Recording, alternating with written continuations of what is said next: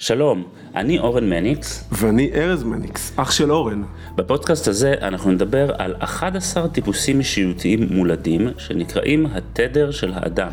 נפגוש אנשים מעוררי השראה שגילו לאיזה טיפוס הם משתייכים ונדבר על איך ניתן להביא לידי ביטוי את התדר שלנו. שהוא עוצמת העל המולדת של האדם, במערכות היחסים, בביטחון העצמי ובהגשמה המקצועית. אוקיי, אנחנו בפודקאסט התדר עם אורח שמאפשר לאנשים לייצר משמעות והוא... והשפעה, לאפשר להם לעשות את זה בגדול מול קהל. נדבר עם אה, עדי קרן, אהלן. שהוא מומחה ל... לעזור למרצים להשיג השפעה, משמעות ולהגיע לקהל. יש לו מועדון מאוד, אה, שמעתי עליו דברים טובים של מרצים, אז אה, איזה כיף. והיום אנחנו בפודקאסט, בפודקאסט אנחנו נראה איך מייצרים משמעות והשפעה ממקום פנימי, ממקום עמוק, בלי לוותר על עצמנו. ואיך איך, איך נותנים, איך עושים סדר בכל הכוחות, ועם דגש בתקופות של משבר, אתגרים, בתגובות של אי ודאות. אז אנחנו נדסקס בנקודות האלו. לפני, ה... לפני הפודקאסט הבחנתי את עדי, והבחנתי את התדר שלו. בעצם זה החוזקה המולדת, נתתי לו ככה לראות לאיזה ריח הוא נמשך, זה אבחון על פי שמבוסס חוש ריח. ו... ובעצם אני אשתף פה, באמת בפעם הראשונה הוא ישמע איזה תדרים אה, יצאו, איזה, איזה עוצמות יצאו, ואנחנו נראה איך אנחנו מביאים את העוצמה הזאתי אה, בהשפעה, גם בחיים שלו, נראה איך הוא מביא את זה בחיים שלו, ולא פחות חשוב, איך מי שעוקב אחרינו ושומע, נוכל לקבל השראה וללמוד איך להביא את זה בחיים שלנו. אז uh, כיף שאתה איתנו. איזה כיף שאני, שהזמנת אותי. נהדר. באמת. יש משהו שאתה רוצה להציג את עצמך, או משהו שפספסתי, או איזה דגש שאתה רוצה... שמע, אני, אני פחות uh, אוהב את ההגדרות האלה. אני, שאלת אותי מה, איך להציג אותי, אני כבר היום כבר לא יודע, כי אני עושה, כאילו, אנשים מכירים אותי בעיקר עם הכנסים הגדולים שאני עושה. מפיק כבר איזה שלוש שנים כנסים גדולים דיגיטליים, גם אה, פיזיים התחלנו לעשות, עשינו בסיני, כנס גדול. סגרו לנו את סיני לאור המצב, מן הסתם, ואנחנו גם לא רוצים להגיע לשם כרגע. אה, מלמד עמידה מול קהל, מלמד NLP, NLP trainer. איזה יופי. כן. נהדר. אז קודם כל, אחד הדברים שהבחנו לפני, זה מה שנקרא קוד רגשי. מה, מה זה קוד רגשי? לכולנו, קוד, לכולנו יש איזשהו רגש מרכזי, שדרכו אנחנו חווים את העולם, כלומר לכולנו יש את כל הרגשות, אבל יש איזשהו רגש שאם אנחנו חווים אותו, אנחנו במיטבנו. והרבה פעמים, מה שנקרא, יש הרבה פעמים בתחום האימון את uh, גלגל החיים. Mm-hmm. אתה ממפה איפה אתה בחיים שלך נכון. הכי במיטבך. אז לנו יש כל קוד גלגל הרגשי. כלומר, לראות נגיד את הקד רגש המרכזי שלך, ששם אתה מרגיש איזון, ולראות איפה הוא בחיים. אז אצלך יצא קוד רגשי שמחה, ואנחנו נדבר קצת על שמחה. ו- ויותר מזה, אם אני קצת אכנס יותר גוונים, אחד הדברים המשמעותיים ש- שיצא מהאבחון שלך, שזה חמלה. חמלה וקבלה, שזה משהו שמאוד מחבר אותך פנימה. אמ, אני רוצה קצת לשתף איפה אתה פוגש בחיים שלך את הנושא הזה של אה, שמחה וחמלה, שזה נושאים קצת אה, שונים, אבל, אבל הם יכולים להשלים. אז תראה, קודם כל שמחה, אני ככה צוחק, כי בתור אחד שעבר גם דיכאונות קליניים, אה, אז זה לא תמיד קיים בחיים. לפחות אצלי זה לא היה תמיד קיים. אה, ואני לא יודע עד כמה להיכנס פה לסיפור האישי, אבל... כנס, כנס. אז אני חוויתי דיכאון קליני עמוק של אה, בערך, אה, אני יודע מה, שמונה, עשר שנים, משהו כזה, בעקבות איזו סיטואציה של סמים, שמישהי דחפה לי סמים לפה, לא אכנס עכשיו לתו, לכל הסיפור, okay. זה לא... אוקיי. אמ, ואחד הדברים שאני חושב שריפאו אותי, ו... ועדיין אני מרפא את עצמי, זאת אומרת, זה משהו שהוא, מי שחווה דיכאון יודע שזה משהו שהוא, שהוא גם קיים באישיות שיכול לחזור. נכון. נגיד התקופה הזאת היא מאוד מאוד מאתגרת להמון אנשים שיש להם אה, נטייה לדיכאונות, כי זה, אם אתה לא שומר מאוד מאוד על עצמך עכשיו, mm-hmm. אתה בהחלט בקלות יכול ליפול למטה עכשיו. ו... גם ליפול למטה, וגם אה, אנשים שאף פעם לא היה להם דיכאון בווליום גבוה, פתאום הם מתמודדים עם זה. בפעם אז, הראשונה. אז, אז זה גם, זה בפעם הראשונה ברור, אבל אנשים שאין להם את הנטייה, אז הם, הם ירדו קצת נכון. למטה, יהיה להם איזשהו down, אבל יש אנשים שיכולים להיות ב down, שהם גם יכולים לא לקום ממנו. וזאת הבעיה. ממ.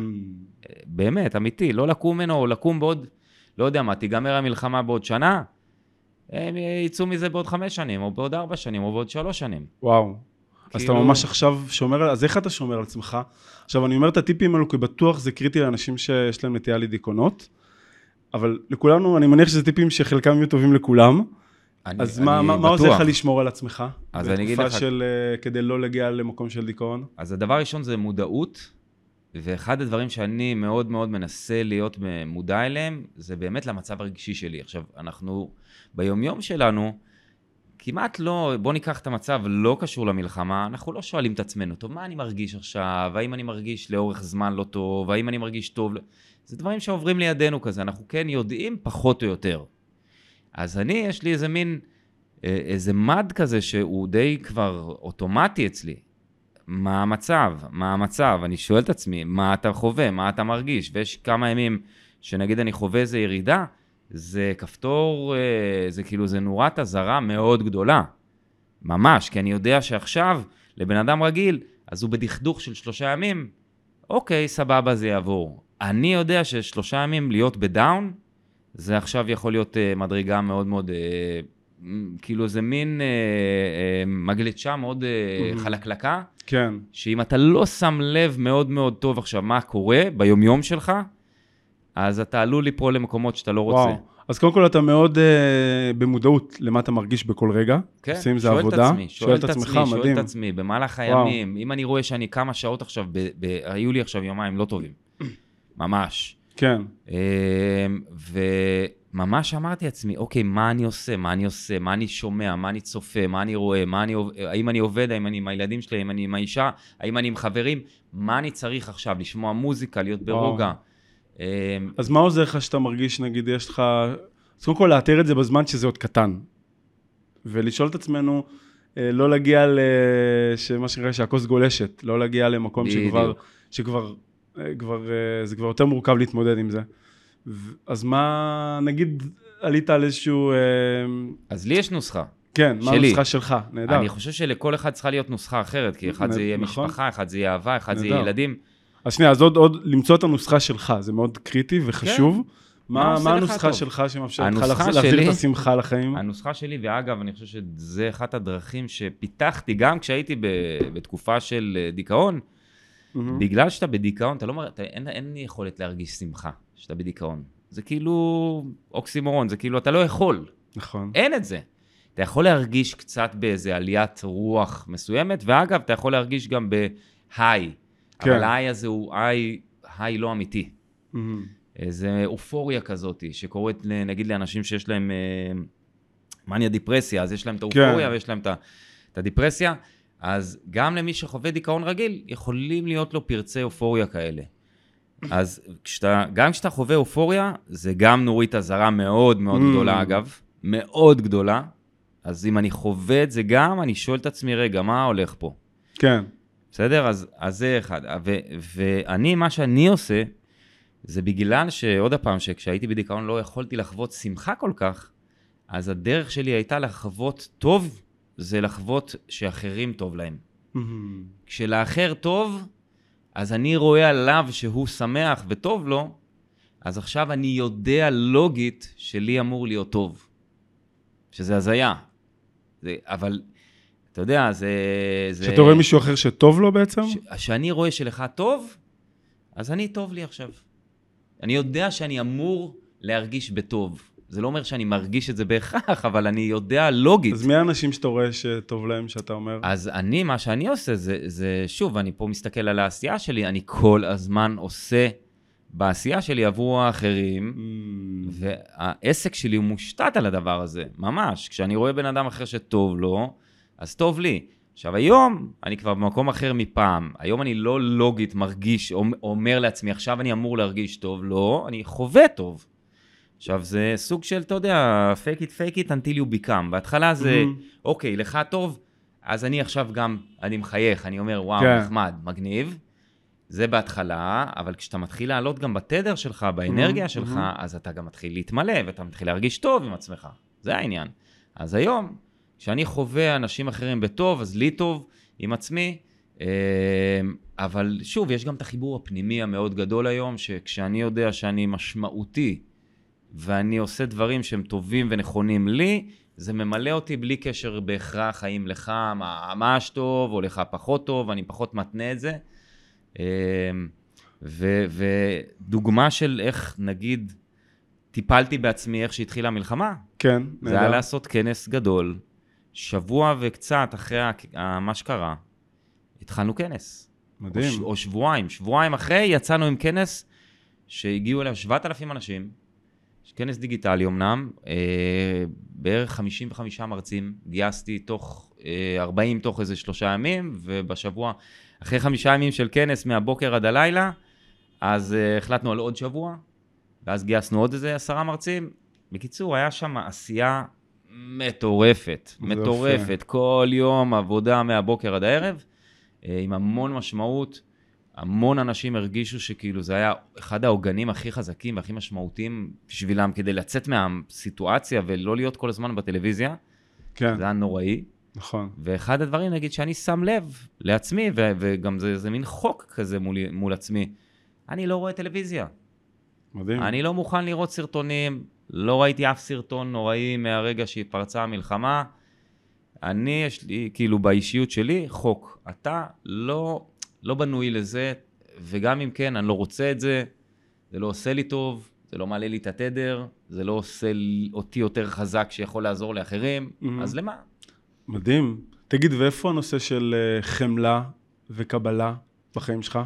אז פה, אני חושב שאחד הדברים שאני גם אה, סיגלתי לעצמי, אולי גם בגלל הדיכאון הזה, זה להגיד, וואלה, זה מה שיש, ועם זה אתה, כאילו, תלמד להסתדר, היית בן אדם X, עכשיו אתה בן אדם Y, יכול להיות שזה בגלל הדיכאון, יכול להיות שזה אולי היה קורה בלי קשר, אולי סתם בגלל שאנחנו משתנים תוך כדי החיים.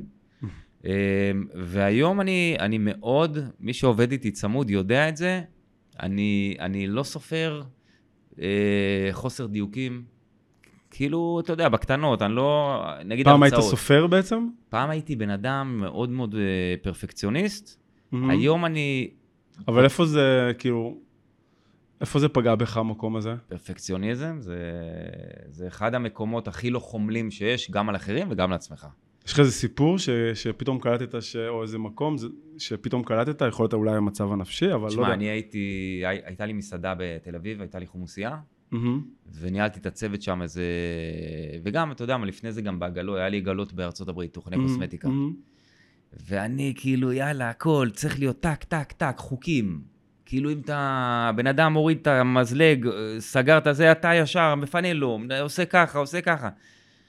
ואתה כאילו אומר, רבאק, בסוף זה לא קריטי, בסוף קריטי שהבן אדם ירגיש טוב. הוא בא, הוא אכל, הוא נהנה, ושילך הביתה מבסוט. זה מה שהוא צריך להרגיש. והיום נגיד שכאילו ולאורך הזמן אז, אז קצת הנמכתי את התדר הזה של הפרפקציוניזם והיום אני מוציא מיילים, לפעמים יש לי טעויות. האנשים נותנים לי בראש על כל, אנשים תמיד יש להם מה להגיד, לא משנה כמה טוב תיתן, תמיד יש לאנשים מה להגיד. אז אני, אחד הדברים שאני אומר לעצמי ומלמד גם אחרים, זה תהיה בקדמת הבמה, יהיה בזה הרבה טוב, הרוב טוב יהיה. אבל יהיה גם לא טוב. יהיו לך קורסים שלא יצליחו, יהיו לך הרצאות שאתה תצא, ויש לי הרבה הרצאות כאלה שאני יוצא מהן ואומר, איך הם לא קמו לי באמצע, אני לא מבין. כאילו, אני הייתי כזה חלש היום, כזה מעפן, ואני חומל על זה, אני אומר, צלחתי את זה, אני יכול לחייך עכשיו? מבחינתי ציון 100 לעצמי, ציון 100. זה לא חוכמה לצאת מהרצאה טובה ולהגיד, וואו, איזה מדהים אני. זה בעיניי איזי בריזי. כאילו, אתה יודע מתי אתה במיטבך, אבל לצאת מהרצאה רעה, או מאיזה קורס בשן ועין ש- שלא עזבו אותך באמצע, כי לא הלך לך, לא עבד, לא יודע. לא התחבר עם הקהל הפעם. אמ, ואז להגיד לעצמך, בואנה, תשמע, איזה אלוף אתה, שצלחת את השיט הזה, ועכשיו אתה יכול לקפוץ לדבר הבא, אני חושב שזאת גדולה.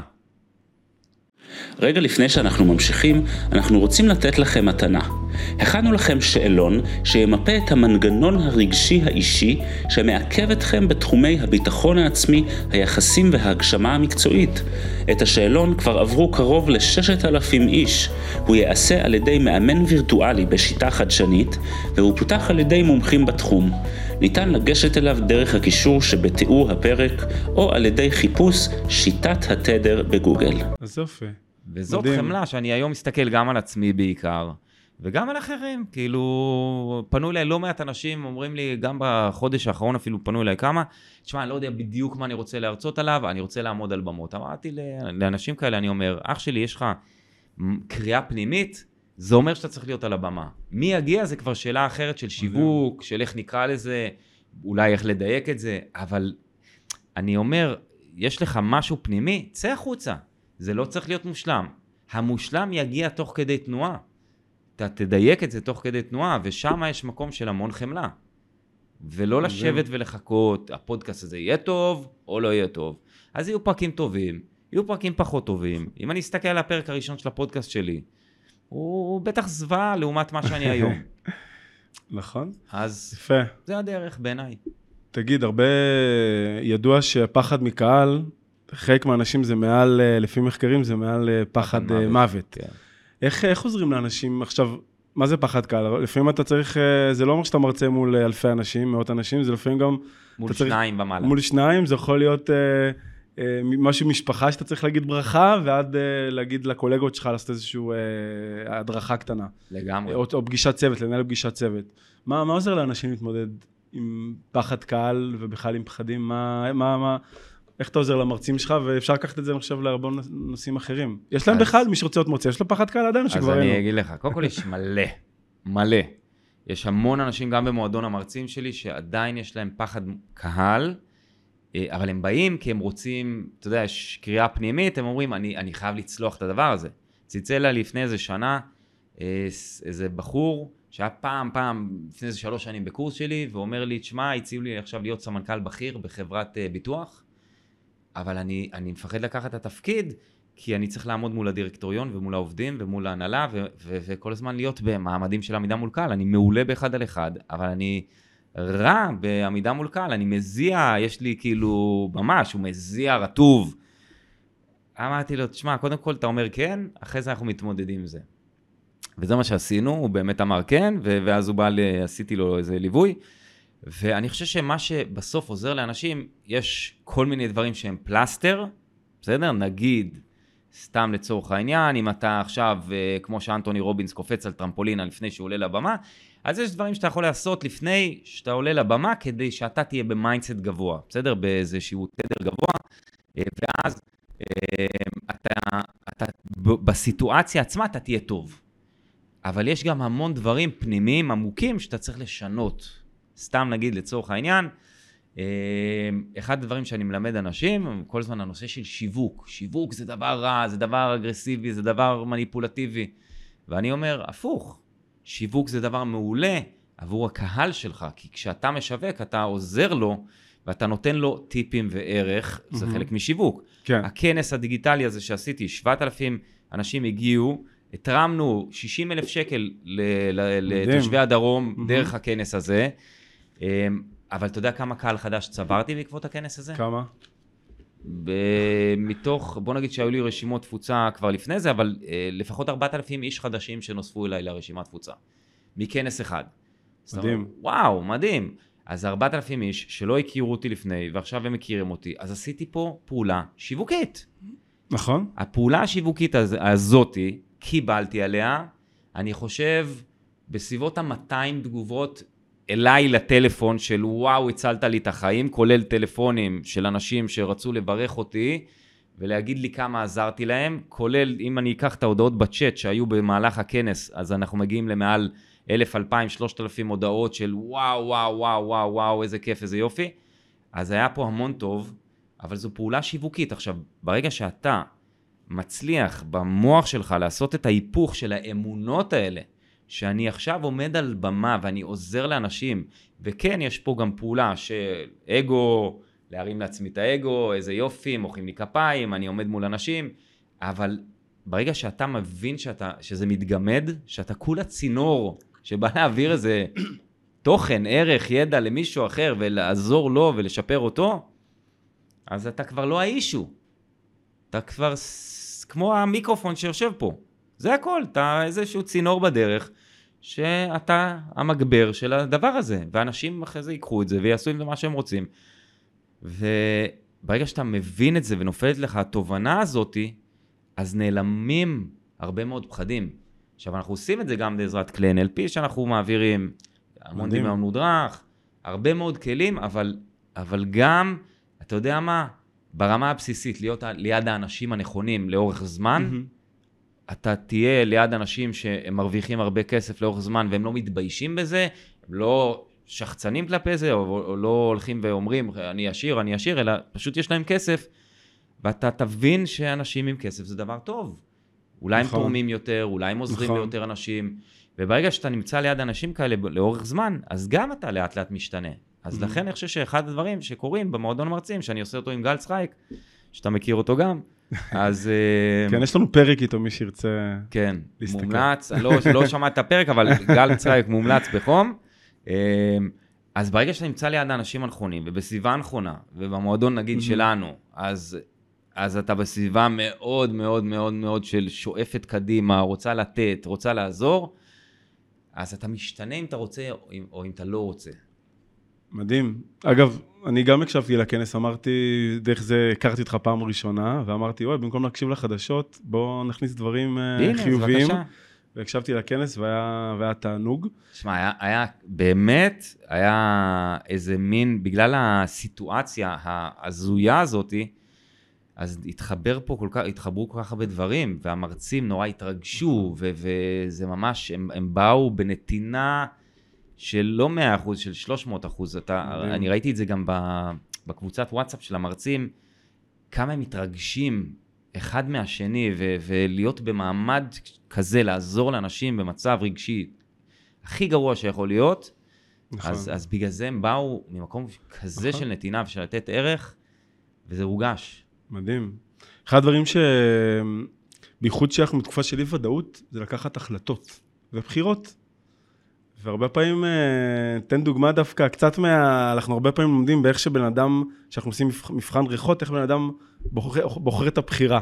אני אשתף משהו קטן מהאבחון איתך, לא יודע אם שמת לב, אבל דבר ראשון לפני שבאת ושאלת, לה, הצגתי לך את הריחות, לפני שהרחת, שנייה, יש ריח שהוא אה, רע, הוא לא טוב? כן, שהוא, שהוא כאילו אומר שאני רע? כן, שאומר שאני רע. כלומר, הרבה פעמים מה שעוצר אותנו מלבחור, וזה משהו שלא ספציפי לך, לכולנו יש את זה, שיש איזושהי בחירה רעה, שיש אה, אולי משהו רע בי, ו... והפחד לגלות משהו רע בי, או לגלות איזושהי בחירה, ומה זה אומר עליי, הרבה פעמים זה, זה משהו ש... שיוצר אותנו אה, מלקחת החלטות, בייחוד בתקופה של אי ודאות. כי כשיש אי ודאות ואין דרך סלולה, לא יודע מה, בית ספר, אה, אה, צבא, תיכון אה, וכולי, וכמו שהיה פעם, אז, אז שנייה, אז אם יש בחירה רעה, אז מה זה אומר עליי? אמ, איפה, איפה, איך לדעתך באי ודאות, בפרט, אבל באופן כללי, אמ, איך אתה מתמודד עם המקום הזה של החשש מבחירות רעות? או אז, אולי משהו בי, זה, אני, כאילו, איפה זה פוגש אותך? אז לי יש איזשהו מקום, אה, ופה נכנסת החמלה. שהוא כבר uh, הבין, אני, אני, גם אני וגם אני רואה את זה על הבן שלי, הוא בן שש וחצי, אני אומר לו, uh, חבר שלך רוצה שתבוא, שתבוא אליו. ומצד שני, יש לו בבית עכשיו uh, נגיד חצי שעה שהוא יכול לשחק בטלפון. אבא, אני לא יודע מה להחליט. כי אם אני לא הולך אליו, אז הוא, הוא יביא ילד אחר, הוא יבקש שילד אחר יבוא אליו, ואם אני אשאר פה, ואם אני אלך אליו, אני אפספס את זה, וגם אני המון פעמים ככה. אני רואה את עצמי ואני ממש, כאילו, הסיור מוחות שאתה עושה במוח, חלאס, כבר חפרנו. אז אחד, אני היום בחמלה מאוד מאוד גדולה. אמרה לי מישהי, אה, מעיין, אה, וואו, מעיין דורי, מחתונה מבט ראשון. כן. בטח מי שחלק מהמאזינים, צופים, אה, מכירים אותה. המאמי הלאומית, ראיינתי אותה בפודקאסט. אה, אז היא אמרה לי, הפסיכולוגית שלה אמרה לה, ש-51 אחוז זאת אומרת, אם זה, אתה צריך לקבל החלטה, 51% לכיוון מסוים, זאת החלטה סופר נכונה וסופר לגיטימית. אתה לא צריך 100% בשביל לקבל החלטה, אתה לא צריך 80%, אתה צריך 51% להיות, לתת לאחד הצדדים. וברגע שאתה מבין את זה, וכשהיא אמרה לי את זה, אמרתי, וואו, איזה תובנה מגניבה. אתה כולה צריך 51 מול 49, זה הכל. זה לא 50-50, זהו, זה אני קצת לפה, קצת לשם. ואז אתה, ואתה מבין שיכול להיות שזה יהיה טעות, בדיעבד, שאנחנו לא יכולים לגלות, לגלות אותו, ואז אתה אומר, אוקיי, אם אני אדפטיבי, ואם אני חזק ויש לי חוסן מנטלי, אז ההחלטות שלי, אני אתמודד איתן, הכל טוב. ברגע שאתה נמצא במקום כזה, זה מקום מדהים להיות בו, שאתה, אין דבר כזה טעות. כי, ויש גם לא. בהנחת יסוד ב-NLP שאומרת שכל אה, החלטה שאנחנו לוקחים, לא זוכר איך היא הולכת בדיוק עכשיו, אה, אבל ברגע שאתה מקבל החלטה, זה על בסיס המשאבים שהיו קיימים בך ברגע, באותו הרגע הספציפי הזה. נכון. זאת אומרת, לא יכולת לקבל אף החלטה אחרת באותו רגע, בגלל המשאבים שהיו קיימים. יכול להיות שישנת לא טוב, יכול להיות שאכלת לא טוב, יכול להיות שהרגשת לא טוב, יכול להיות שהיית בדאון, אז זאת הרמה שיכלת להגיע לחשיבה שלך. עכשיו, עוד דבר שלי עושה את זה, במקום הזה קצת יותר קל, זה לשיטה שלי קוראים מנהיג על הבמה. אני חושב שאנחנו בסופו של דבר, מי שרוצה לעמוד על במות ול, ו, ולעשות את מה שאתה עושה לצורך העניין, הוא סוג של מנהיג. Mm-hmm. יש קהל שהולך אחריו, יש קהל שאומר, וואלה, זה לא המנהיג בשבילי, גם סבבה. אבל אם אתה עומד על איזושהי במה, אתה מנהיג. וכשאתה מנהיג, ואתה יכול גם במה מול הילדים שלך, בסדר? לצורך העניין. זה גם במה, זה גם איזושהי מנהיגות. בעל משפחה, אמא, אבא, הוא מנהיג. נכון. אז אם אתה בתור מנהיג צריך לקבל החלטות, אתה יודע שלפעמים לא יאהבו אותם, אתה יודע שלפעמים הם יהיו בדיעבד רק, אתה תוכל להבין שעשית איזושהי טעות, בסדר? אם אפשר לקרוא לזה טעות. אה, וגם יש הנחת יסוד, אין כישלון, יש רק משוב ולמידה ב-NLP. יש רק משוב ולמידה. אין כישלון, זה לא שטעית ו- וזהו, הלך. זה טעית, יש לזה השלכות. אני טעיתי, פתחתי מסעדה, הפסדתי חצי מיליון שקל. השלכות לא נעימות, הייתי יכול להיות היום במקום אחר לחלוטין אם הייתי מתנהל אחרת, אבל בהתאם למשאבים שהיו קיימים בראש הדביל שלי באותו רגע, זה מה שיכולתי לעשות. אין מה לעשות, ואני לא מכה על חטא, אני לא מתבאס על זה. אז אני חושב שבן אדם, ואם אני מסכם את כל מה שברברתי פה בשתי דקות האחרונות בעניין הזה, אחד, להבין שאם אתה מאמין בעצמך, ואתה יודע שאתה אדפטיבי ואתה גמיש לאורך זמן ואתה יכול לשנות תוך כדי תנועה, לא משנה מה ההחלטה שקיבלת, תמיד אתה יכול לשנות את זה בדיעבד באיזושהי דרך. בסדר? יהיו לזה mm-hmm. השלכות, אבל תוכל לשפר ולעשות שינוי וללמוד מזה. זה אחד. הדבר השני, אמרנו זה להיות מנהיג, ולהבין שמנהיג זה לקחת החלטות שהן לא תמיד קלות, בהתאם לערכים שלך, בהתאם לאמונות שלך, לא תמיד ההחלטות הן נעימות וקלות. יש המון אנשים שפיטרו עכשיו אנשים בזמן הזה, אבל לא הייתה להם ברירה. נכון. וזו החלטה לא קלה. אני דיברתי עם כמה אנשים כאלה שאמרו לי, היום יום רע בעבודה, אנחנו צריכים לפטר אנשים. אבל הערכים שלהם אומרים, וואלה, אבל כואב לי מול הבן אדם, אבל מצד שני mm-hmm. צריך להכיל את המשפחה שלי ואני צריך לא להיכנס למינוסים עכשיו. Mm-hmm. אז יש פה המון זה, והדבר האחרון זה אמרנו שגם 51 אחוז, זאת אחלה החלטה. מדהים.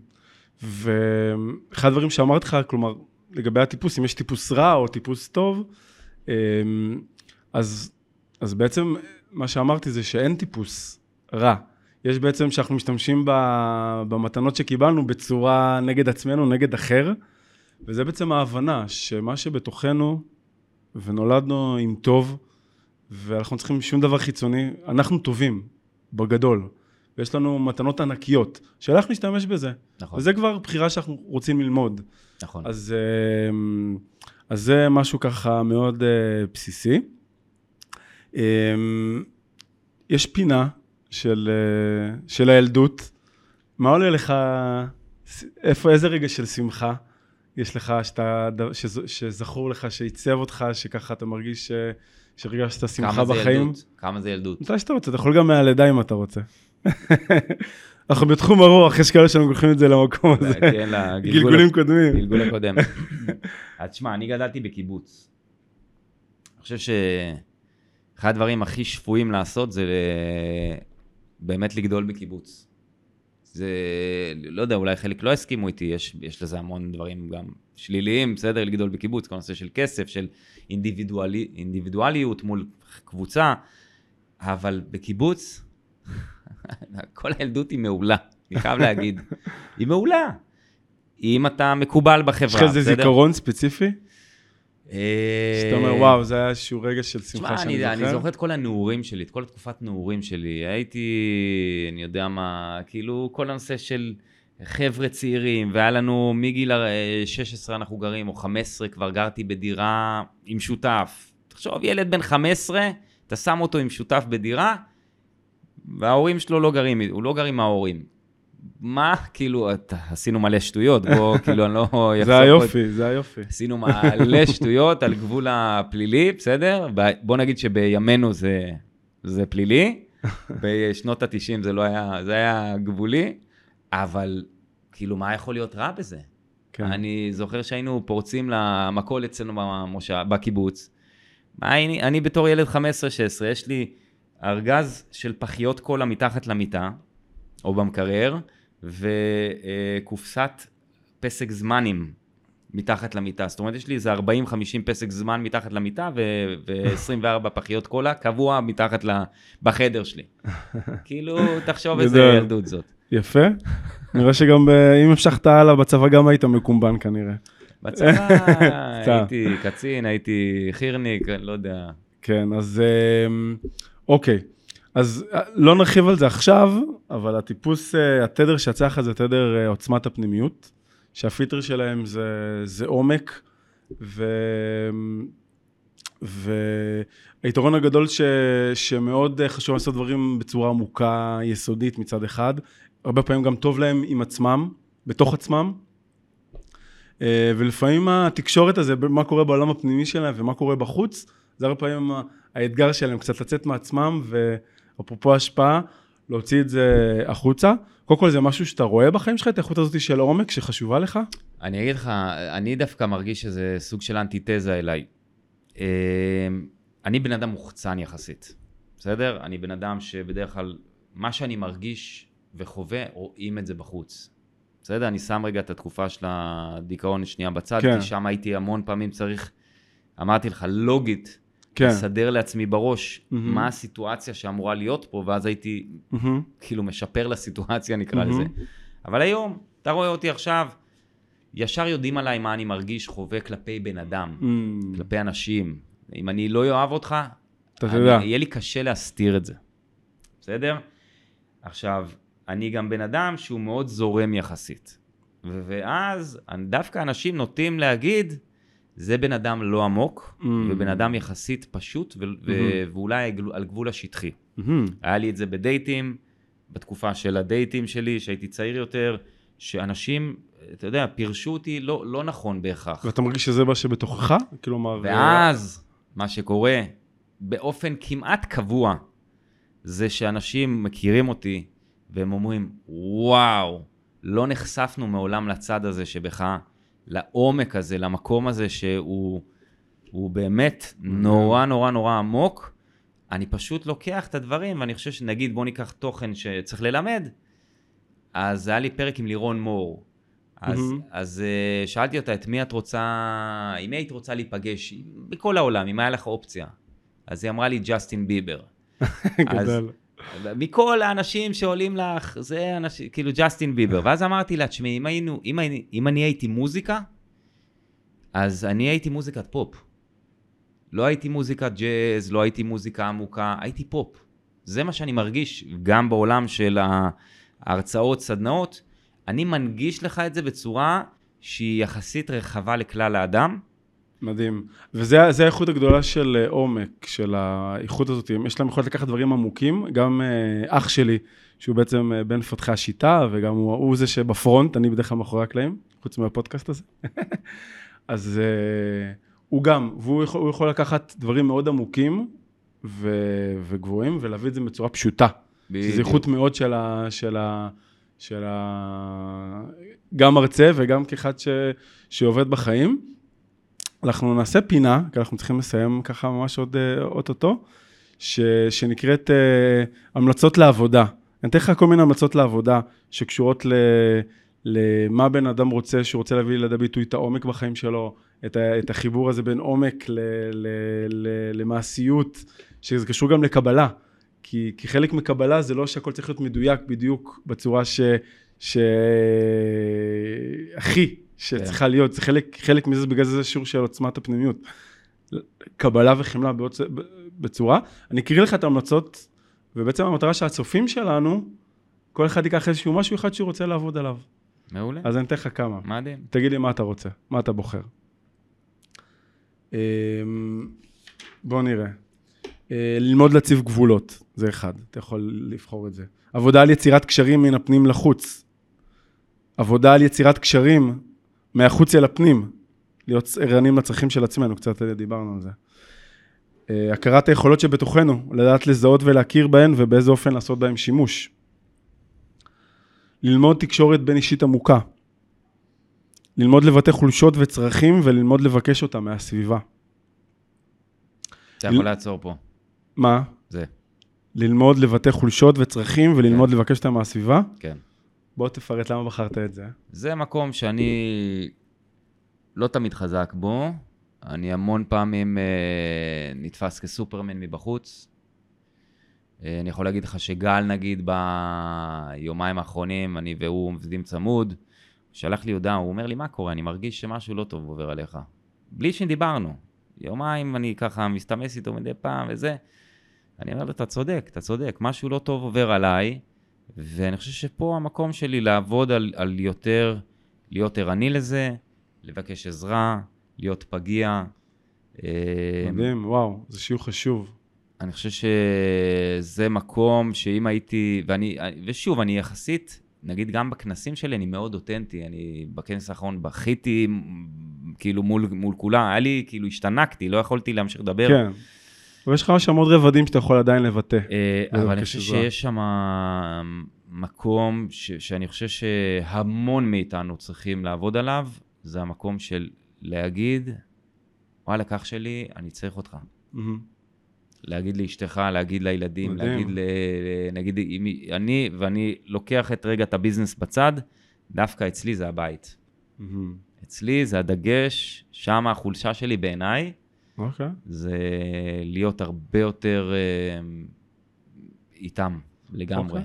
אז אני מזמין אותך, את, אותך ואת הצופים לתרגל את זה, ולקחת את השבוע ולשתף משהו אחד שעובר אליך, שחווית עם עצמך, אבל באוטומט שלך לא שיתפת. משהו שאתה צריך, משהו שאתה מבקש. אה, לא כתלונה, אלא כ, כשיתוף או בקשה ממקום... אה, יאללה. ממקום, אה, ממקום כזה. אוקיי, אנחנו נסכם את הפודקאסט. קדימה. ובוא, אני אשמח שתשתף אותי. אה, אני גם משתף. מה, ככה איזה תובנה אתה יוצא, או איזה רגע שאתה יוצא מהפודקאסט? אה, אה, מה הסיכום שלך? קודם כל, פודקאסט מעניין. התראיינתי בלא מעט פודקאסטים לאחרונה, ואני מודה שזה היה הכי יוצא דופן, בסדר? בגלל הריחות ולאן שזה לוקח. מבחינתי, כל המעמדים האלה וגם הפודקאסט פה עכשיו, כשאנחנו נותנים משהו משלנו שמדבר למישהו אחר על עצמו, ומלמד אותו על עצמו ושם לו מראה מול עצמו, אני חושב שזו זכות גדולה. אה, וזה כאילו, אתה יודע, לפעמים אני אומר לעצמי, מי אני שיקשיבו לי? מה... כאילו, אני כולה איזה עוד בן אדם צ'וקמק, כמו כולם. נכון. לא פיצחתי את הקוד האנושי, לא פיצחתי את החיים, לא פיצחתי איך עושים מיליונים, ולא פיצחתי איך... גם את האטום לא פיצחת. לא את האטום, לא איך שמחים כל הזמן, אין, אין פה פיצוח. ואני חושב כן. שזה גם משהו שאנשים צריכים להבין. כתבו לי בכנס האחרון, הלוואי והיה לי, איזה מישהי כתבה בצ'אט, הלוואי והיה לי חצי ממה שיש לכם. יש לך, יכול להיות הרבה יותר ממה שיש לנו, את פשוט, לך זה נראה. אז אני חושב אה, שלהיות במעמדים כאלה, גם צריך לשים את עצמך בפרופורציות, נכון.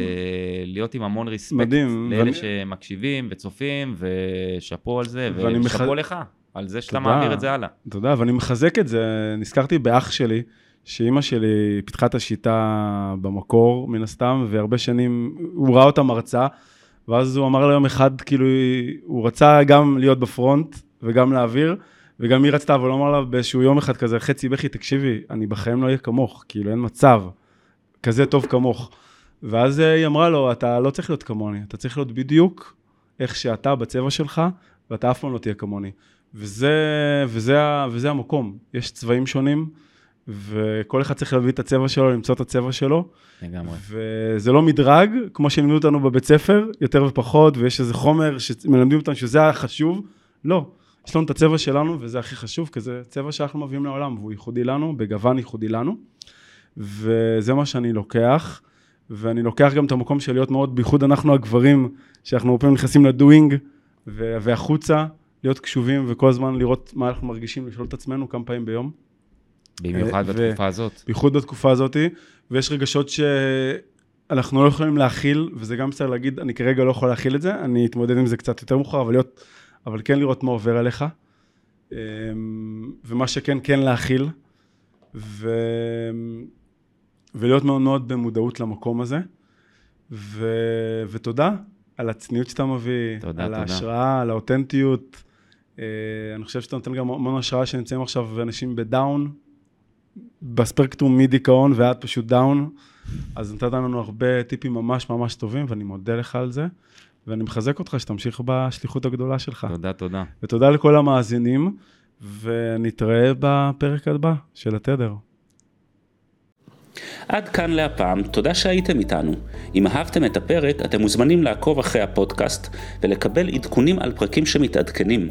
אם עלה בכם הרצון לדעת עוד על התדר האישי שלכם ואיך הוא יכול לשדרג את חייכם, אתם מוזמנים לחפש שיטת התדר בגוגל או ללחוץ על הקישור שבתיאור הפרק.